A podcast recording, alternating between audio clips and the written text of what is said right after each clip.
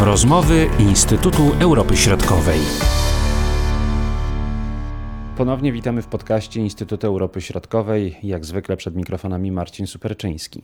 Białoruskie władze stosują bezprecedensowe represje wobec opozycjonistów i przedstawicieli polskiej społeczności. Do aresztu można trafić na przykład za posiadanie biało-czerwonych skarpetek lub innych części garderoby w tych kolorach.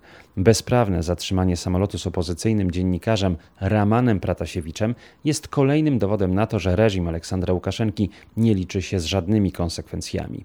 Samo późniejsze wystąpienie opozycjonisty przed kamerami białoruskiej telewizji państwowej, opowiadającego o finansowaniu przez Zachód, też jest świadectwem brutalnej działalności władz. To właśnie dziennikarze są najgroźniejsi dla Aleksandra Łukaszenki, podkreśla kierownik zespołu Europy Wschodniej Instytutu Europy Środkowej dr Jakub Olchowski. Są właściwie chyba największym zagrożeniem tego typu ludzie, e, dlatego że w każdej dyktaturze media nie są po prostu mediami. Dziennikarze nie są po prostu dziennikarzami, tak jak jest to w, normalnym świecie, bo, bo w, świecie, w świecie dyktatury, jeśli, jeśli ktoś jest dziennikarzem, to właściwie jest również e, poniekąd aktywistą politycznym. E, to, to, to właściwie idzie, idzie w rękę w rękę, bo inaczej się nie da. Oczywiście, jeśli jest dziennikarzem, a nie funkcjonariuszem aparatu propagandowego oficjalnego. To zatrzymanie czy porwanie właściwie Pratasiewicza to, to był też sygnał w ogóle dla, dla innych dziennikarzy, dla innych aktywistów, E, bez względu na to, gdzie oni się znajdują.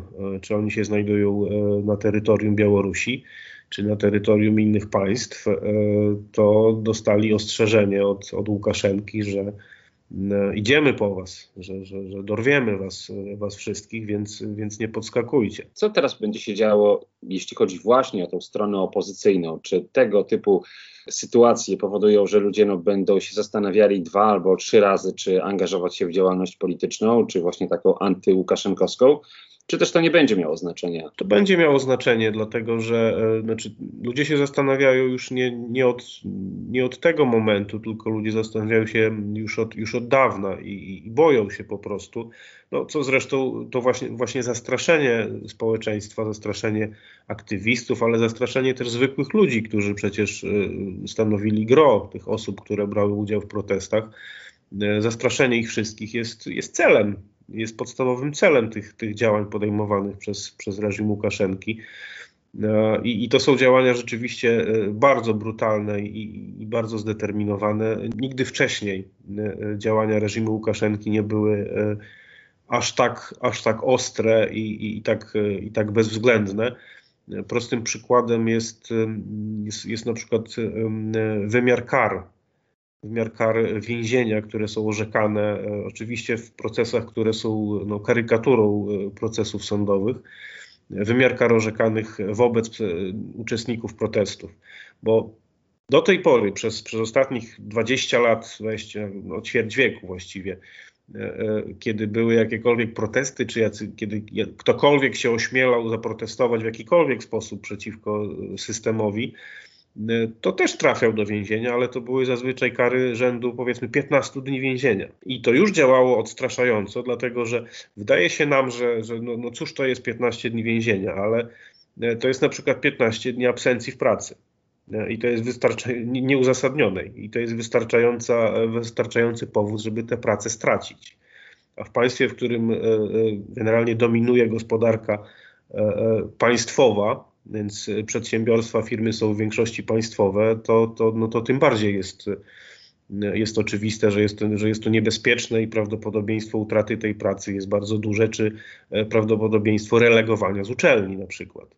Natomiast w tej chwili te kary to, to nie jest już 15 dni, tylko to jest 4 lata kolonii karnej, 5 lat, 6 lat, 7 lat kolonii karnej jak ostatnio kilku, kilku aktywistów e, zostało skazanych właśnie na, na 7 lat. To już są, to już są poważne, poważne wyroki. E, I to są de facto wyroki polityczne, dlatego że e, zarzuty, jakie stawia się tym ludziom, to są zarzuty właśnie próby obalenia ustroju, organizacji zamieszek publicznych, więc tego rodzaju są to tego rodzaju zarzuty. Więc ludzie się boją i to właściwie nie jest nic zaskakującego. Te zarzuty, które się pojawiają pod adresem opozycjonistów, bardziej lub mniej działających aktywnie, są często absurdalne, prawda? Że ktoś może być oskarżony o działanie na szkodę reżimu, bo ma skarpetki w kolorach biało-czerwono-białych, w kolorze historycznej flagi Białorusi. To już może być podstawą do oskarżenia. To właśnie świadczy o, o tej y, bezprecedensowej skali represji. Można trafić do więzienia za no właśnie za skarpetki w, w kolorze biało-czerwonym, za, za wywieszenie na balkonie y, prania w kolorze biało-czerwonym, nie mówiąc o, oczywiście o jakiekolwiek komentarze czy zdjęcia umieszczane w, w, mediach społecznościowych, bo, no, bo to, już jest, to już jest y, traktowane jak poważne przestępstwo. Można wyciągnąć taki wniosek, że zaostrzenie y, prawa najczęściej łączy się z tym, czy też zaostrzenie no właśnie tych wyroków, które zapadają, wiąże się jednak z osłabieniem, czy też z obawą o dalsze osłabianie reżimu, no w tym wypadku Aleksandra E, Łukaszenki. I to chyba z tym się wiąże. To zastraszenie ma, świadczy o tym, że pozycja Łukaszenki coraz bardziej słabnie. No i jednak gdyby nie wielki brat, e, w cudzysłowie, stojący za e, Aleksandrem Łukaszenką, no to pewnie jego dni byłyby bardzo szybko policzone. No zapewne, bo, bo mm, jeśli społeczeństwo, jeśli, jeśli władza ma legitymację społeczną i, i jeśli społeczeństwo popiera władzę, czy przynajmniej, a, a przynajmniej nie jest jej, jej, jej przeciwne, to nie ma potrzeby go zastraszać.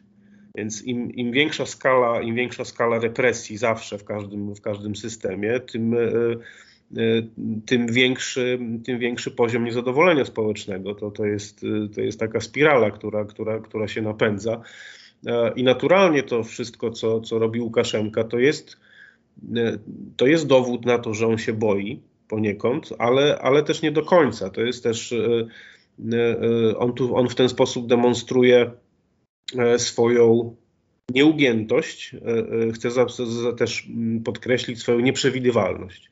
Na zasadzie jestem zdolny do wszystkiego, więc musicie się ze mną liczyć. I to jest adresowane i do, i do społeczeństwa, że siedźcie cicho i, i, i, i nie szumieć mi tu. To jest adresowane oczywiście do Zachodu, nie boję się was i co mi zrobicie ale to jest też adresowane do, do Władimira Putina. Czy on nie myśli o niezależności Ukra- Białorusi? On nie myśli o tym, o obronie suwerenności Białorusi. Tak o nim mówiono w ostatnich latach, że przecież dobry gospodarz, bo on myśli o, o tym, żeby jego państwo było suwerenne. To nieprawda. On nigdy nie myślał o suwerenności, niezależności Białorusi. On myślał o, o swojej władzy.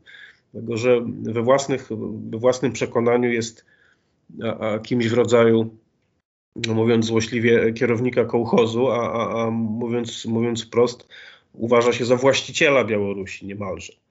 E, więc jemu nie chodzi o suwerenność państwa i dobro obywateli, tylko o, o, o, utrzymanie się przy, przy władzy i to przy władzy, przy władzy dyktatorskiej. Na ile, na jaki czas jeszcze pozwoli E, Rosja Władimira Putina utrzymywać się u władzy Aleksandrowi Łukaszence. No dzisiaj wydaje się, że to w jakiś sposób jest dla władz rosyjskich wygodne, bo jest taki w cudzysłowie nieprzewidywalny Łukaszenka, ale jednak przewidywalny w swych nieprzewidywalnościach, prawda?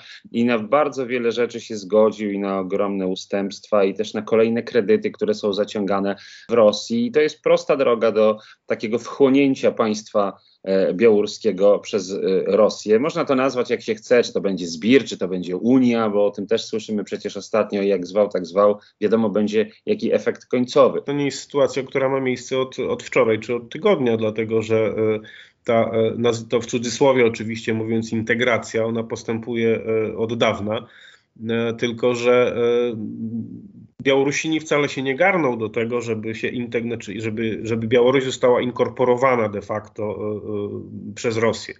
Białorusini wcale nie są, nie są z, tego, z tego tytułu szczęśliwi, oni wcale o tym, y, o, tym, o tym nie marzą.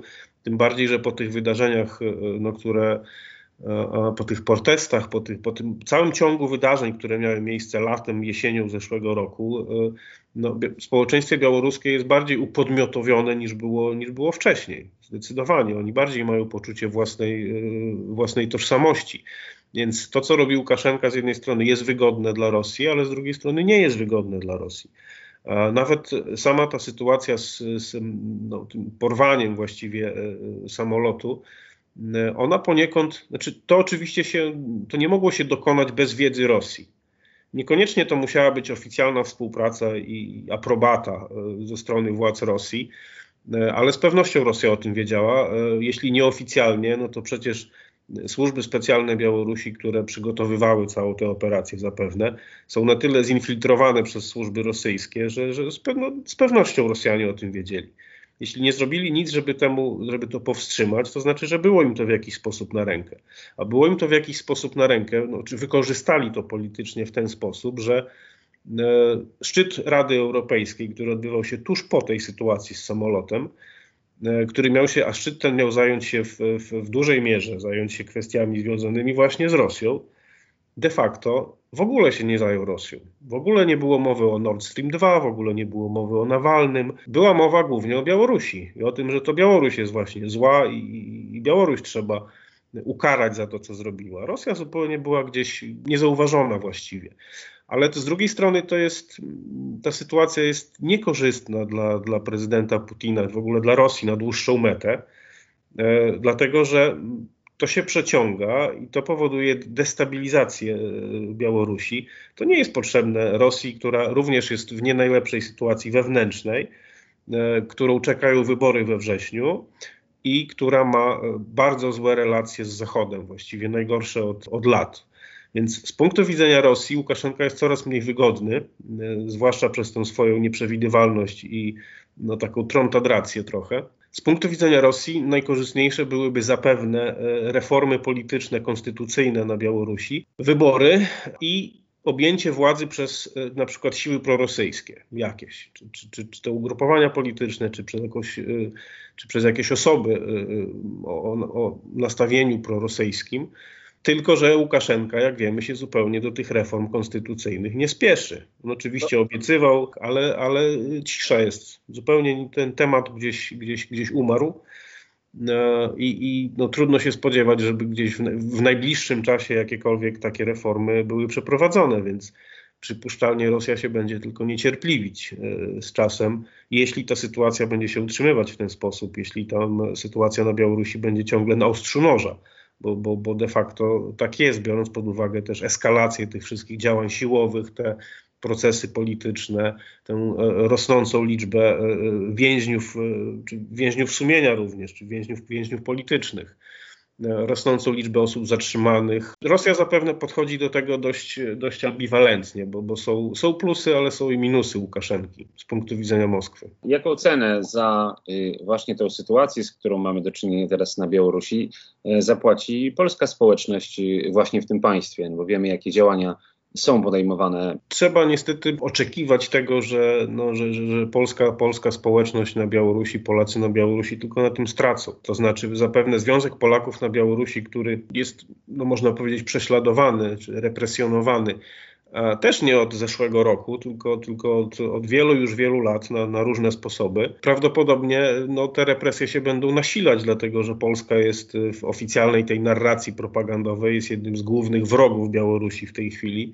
I to jednym z głównych wrogów, który wręcz e, inspirował, e, finansował i koordynował te, te, te, te protesty, czyli w, w oczach Łukaszenki no, nielegalne działania zmierzające do obalenia do obalenia jego, do, do, do, obalenia, do obalenia władzy. No to nie wróży dobrze. To, to nie wróży dobrze e, e, no właśnie Polakom na Białorusi. Można powiedzieć, że bardzo wiele zależy teraz od Rosji, prawda? Nie jest zaskoczeniem, że są różne głosy, że, e, no, że, że, że koniec Łukaszenki na pewno nadchodzi.